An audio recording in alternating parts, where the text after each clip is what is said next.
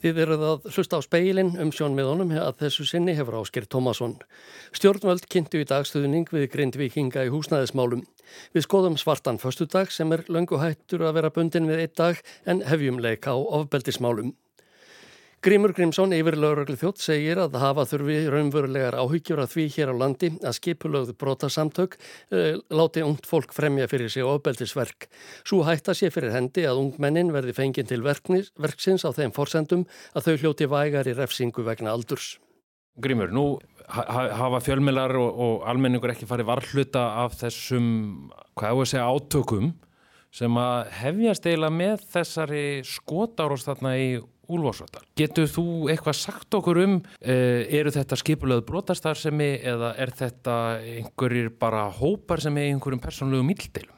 Já, við erum auðvitað með þetta til skoðunar og rannsóknar hvort, hvað, hver séu sagt, um, hver aðdragandi að svona árásum og svona erjum og það, okkur virðist það að vera að þetta séu erjur á milli manna, milli einstaklinga sem tilher einhverjum hópum og þannig sé það tilkomið, þetta sé ekki endilega tengt einhverju skipilega brota hópum en, en, en samt sem er þetta hópar sem að, sem að svona, um, eiga erjum sínum, sínum milli. Þessar árasir eiga það svona samiðilegt að þarna eru menn að beita vopnum, við erum með bissur og við erum með nýfa. Ef við tölum bara svona almennt, þá lítur lauruglan svoleiðis árásir mjög alvarlegum augum við gerum það og, og, og, og það aðlagan sem slík er alltaf hættuleg þegar að, þegar að vopnum er beitt, tala ekki um skotvopnum. Þannig að, að við lítum það mjög alveg um og við höfum bent á það undarfæri misseri að, að nývaburður hefur, hefur aukist mjög mikið. Eh, við höfum myndið að tala hér fyrst og fremst um, um höfborgarsvæði þar sem er náttúrulega þetta flest málinn sem kom upp. Eh, en það er, það er þannig að hér er bara mjög oft eh, fólk með nýva á þess að það sé blasi við að fólk þurfa því að halda. Þú ert nú búin að vera lengi í lauruglunni, sko er það þín, þín upplifin að þessi nýjabörðu sé bara eitthvað sem er nýtil komið? Já, ég myndi segja að, að, að myndi maður segja nýtil komið eða þetta sé einhvers svona þróun sem hafi verið svona síðustu ára að verða til. Að, að þá erum við að sjá, sjá það að fólk, um, auðvitað þetta oftast ungi kallar, sem tellir sér þurfa að vera með nýfa til þess að að mæta eftir atvikum einhverjum árásum á sig. Og, og, ég, og á þessum árum sem ég verið lögurglunni sem spannar umlega 30 ára þá, þá er þetta gjörbreyting. Þessir hópar, hafið þið áhyggjur af því að svona skipulöð brotasamtök sem eru í fíknefnasmikli og öðru svona stórtækara farið að nýta sér þessa einstaklinga til þess að fremja einhvers konar ofbeldisverk eins og kannski hefur sérst svolítið á Norrlundunum. Já, akkurat.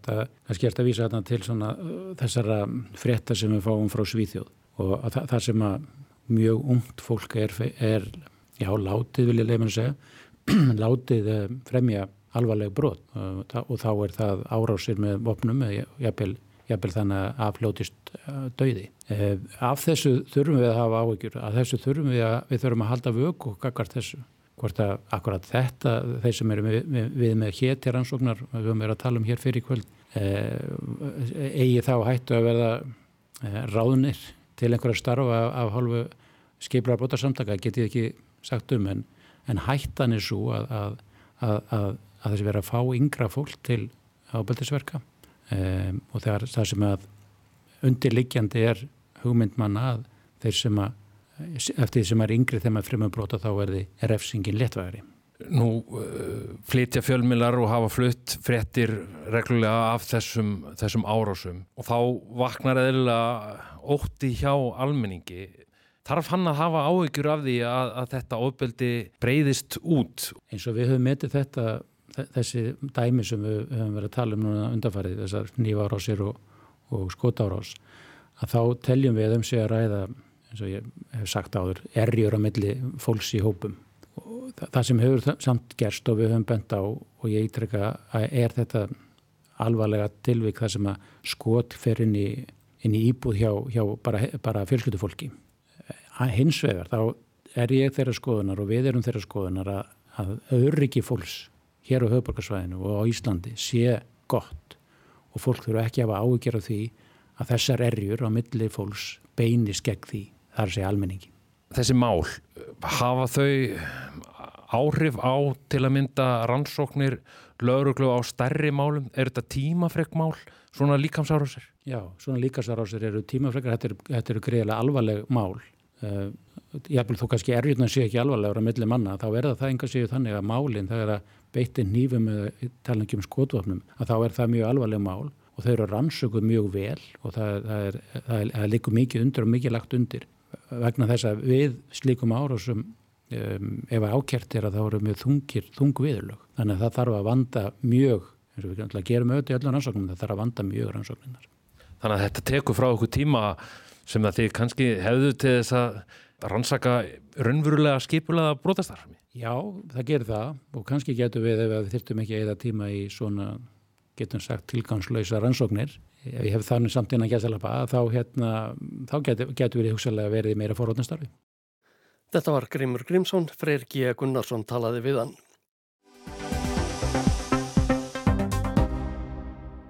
Stjórnvöld ætlaði að kaupa alltaf 210 íbúðir í gegnum leigu og íbúðarfélagin Bjarg og Bríeti og styðja sérstaklega þá grindvikinga sem þurfa að leia sér húsnæði vegna jarðhræringana.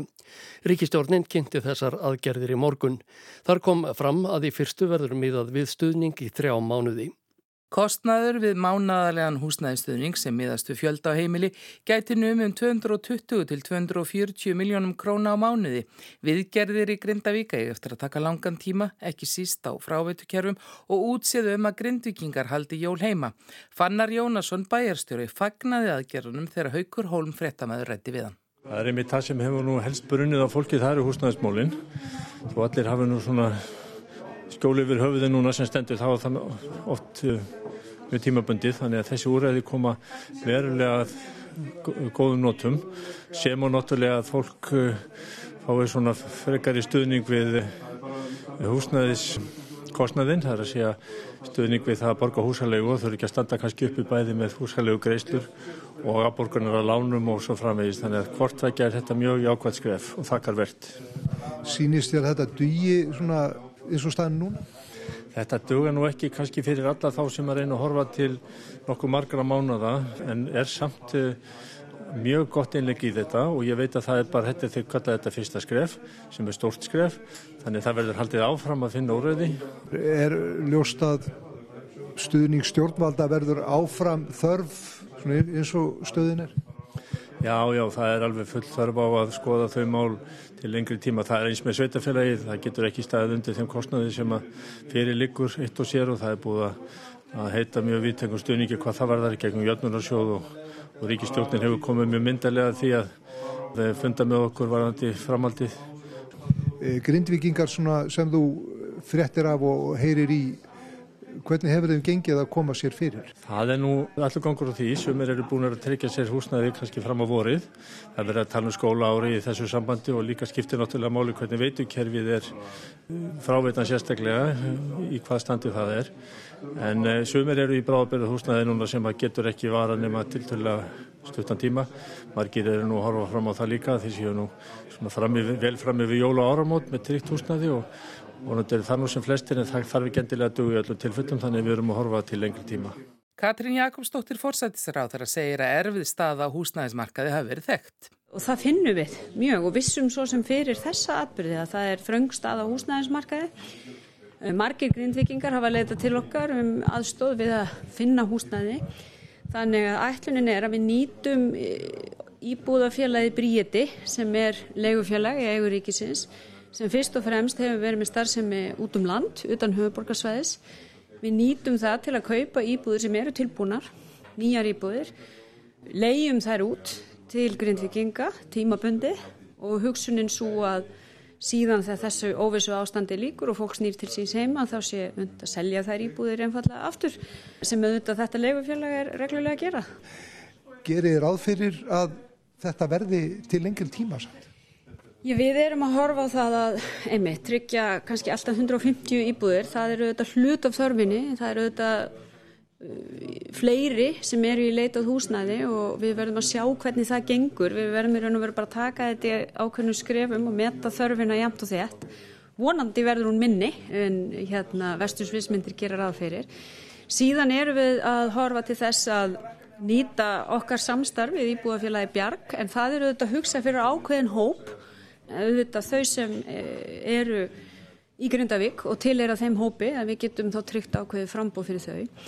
En hversu lengi spyrðu? Ég menna við erum auðvitað bara í sama myrkri og þjóðin öll hvað það varðar og grindvikingar. Mörg sem glöttust mjög í vikunni þegar svona koma fregnir af því að hættu ástand sé nú minna uh, á svæðinu en það á margt eftir að skýra stáðurinn í ljós kemur hvort fólk getur snúið heim. Grindvikingar geta treyst því að stjórnvöld steyðja við það eins og þarf, segir Þórdís Kolbrún Reykjörð Gilvardóttir fjármálar á þeirra. Óvissan sé auðvitað erfið og marglaga og við henni verða bregðast. Það eru auðvitað algjör þörrpolítisku stuðningur við það í þingjuna að gera það sem þarf til þess að veita fólki skjól og það er það sem við erum að reyna að gera núna. Við erum þá að svara því er varðar afkomu, afborganir og svo húsakost til skemmri tíma þannig að hægt sé að eigða að minnst okkarstu hluta þeirra óvissu sem að hérna, grindvikingar sem blasir við þeim og þess vegna er þetta tímabundið og, og, hérna, og, og þingið er samála því meginadröðum en færi auðvitað máli bara til þinglar meðferðar og tekur við því. Húsnæði fyrir grindvikinga er til, segir Sigurður Ingi Jóhansson innviðar á þeirra. Það hafi greiningar síðustu dag á vikna sínt, þó að óvissan sé látlaus hvað náttúruna varðar. Og við erum að reyna að greina þetta í samtölum okkar við Grindavík og þetta með Grindavíkubæ, eh, Rauðakrossunum, Almannavörnum, að senst átt okkur á því hvert umfangið er. Þetta er allavega mjög gott skref hér og nú, síðan eru við um annan starfsópastörfum sem er að skoða það að að flytja hingað inn hús einingar eh, mótúlahús eða hvað, hvað við viljum kalla það eins og við kannski bara þekkjum og eru til. Eh, það sáhópur mun hraða niðurstöðu sinni þannig að, að við getum farið að panta slikar einingar. Það er verið að greina hvað er þörfin staðsetningin, gæðin, hönnun og, og sikka fleira. Um, og þá væri það hægt að ganga í það. En það er svona tólveikna framlegsliferðlið Þannig að það myndi taka þó eitthvað lengri tíma inn á, inn á árið að fá slíkt húsnæði en það myndi allan að vera góð viðbót við, við annars erfiðan kost á húsnæðismarkaði. Náið þið heldur um með þessu yfir bæði annars vegar húseigendur í Grindavík sem eru að leia kannski annar staða núna sem og fólk sem var leiendur í Grindavík?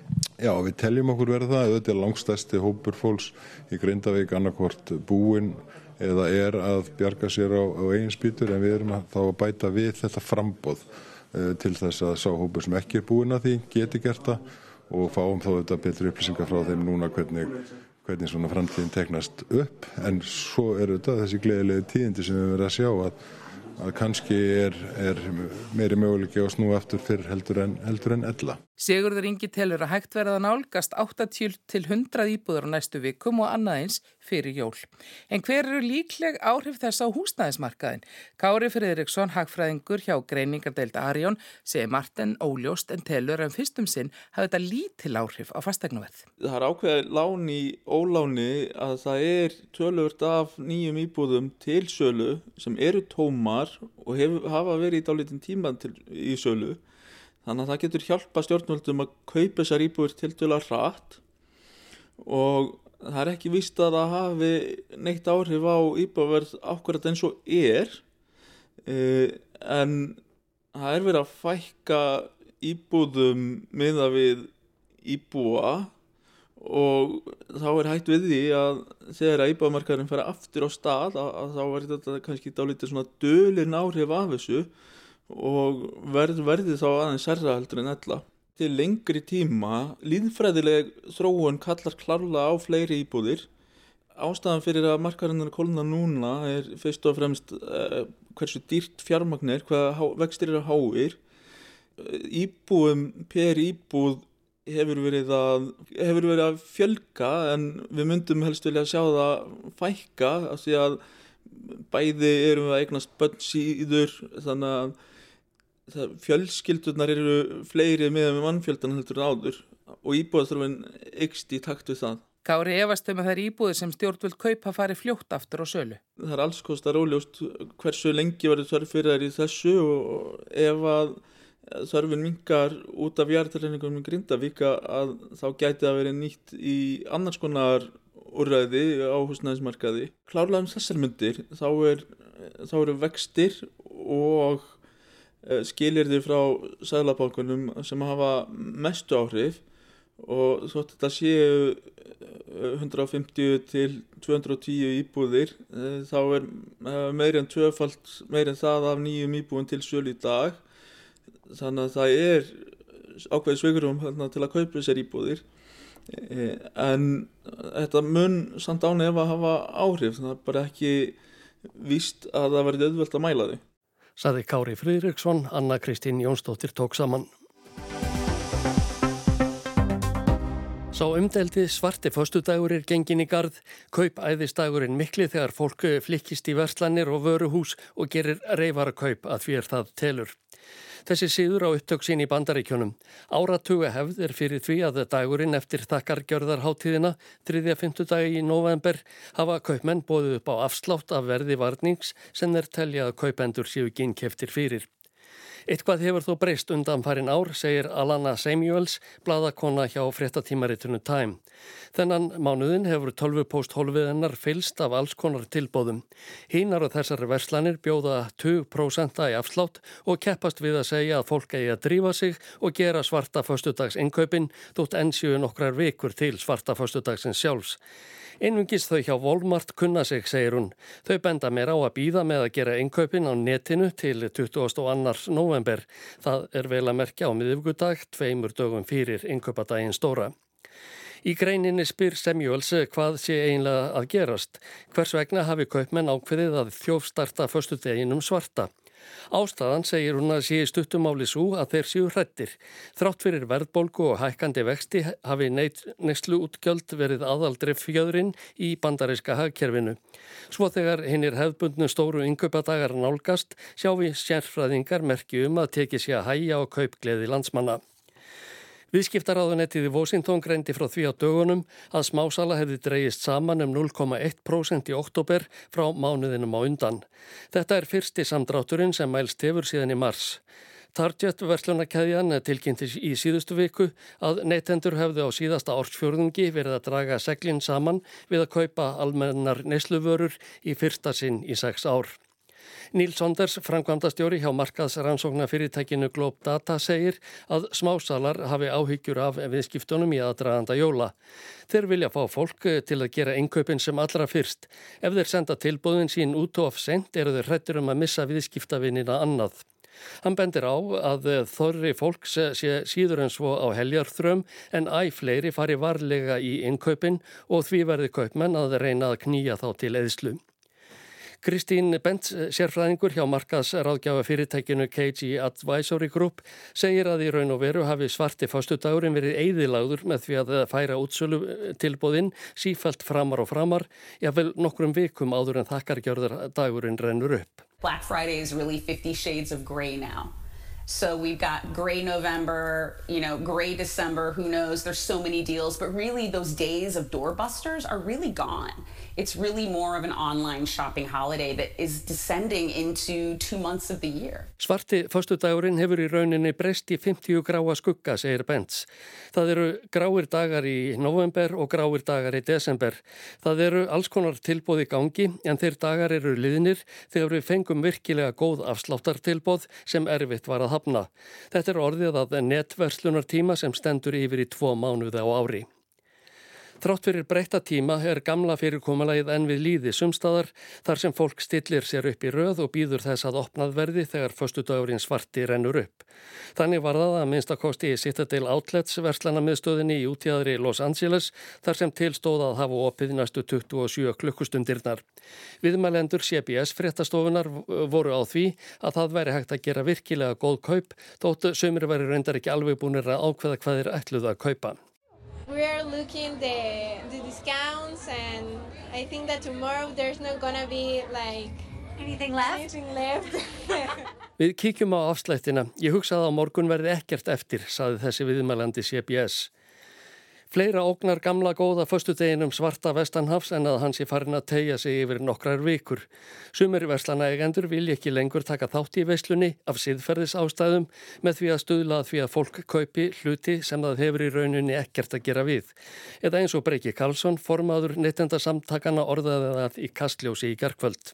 Einhver saði einhver tíman að við værum að kaupa hluti sem við þyrstum ekki til að gangi í auguna fólki sem við þekkjum ekki fyrir peninga sem við ættum ekki Þetta er eitthvað sem við þurfum að varast. Eitt fyrirtækjana sem hefur lokað í dag er verslanakeiðjan Rey sem rekur 181 verslun með útífistarvörur við svegarum bandaríkin.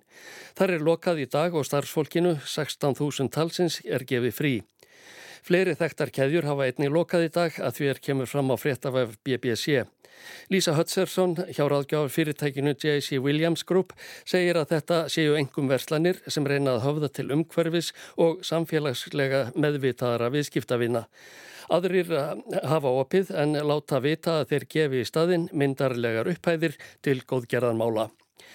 Fleira er ekki speklinum að þessu sinni, taknimaður var Kári Guðmundsson. Hlusta má á speilin á vef ríkisútvarpsins rúvaf.is og helstur hlaðvarps veitum. Verðið sæl.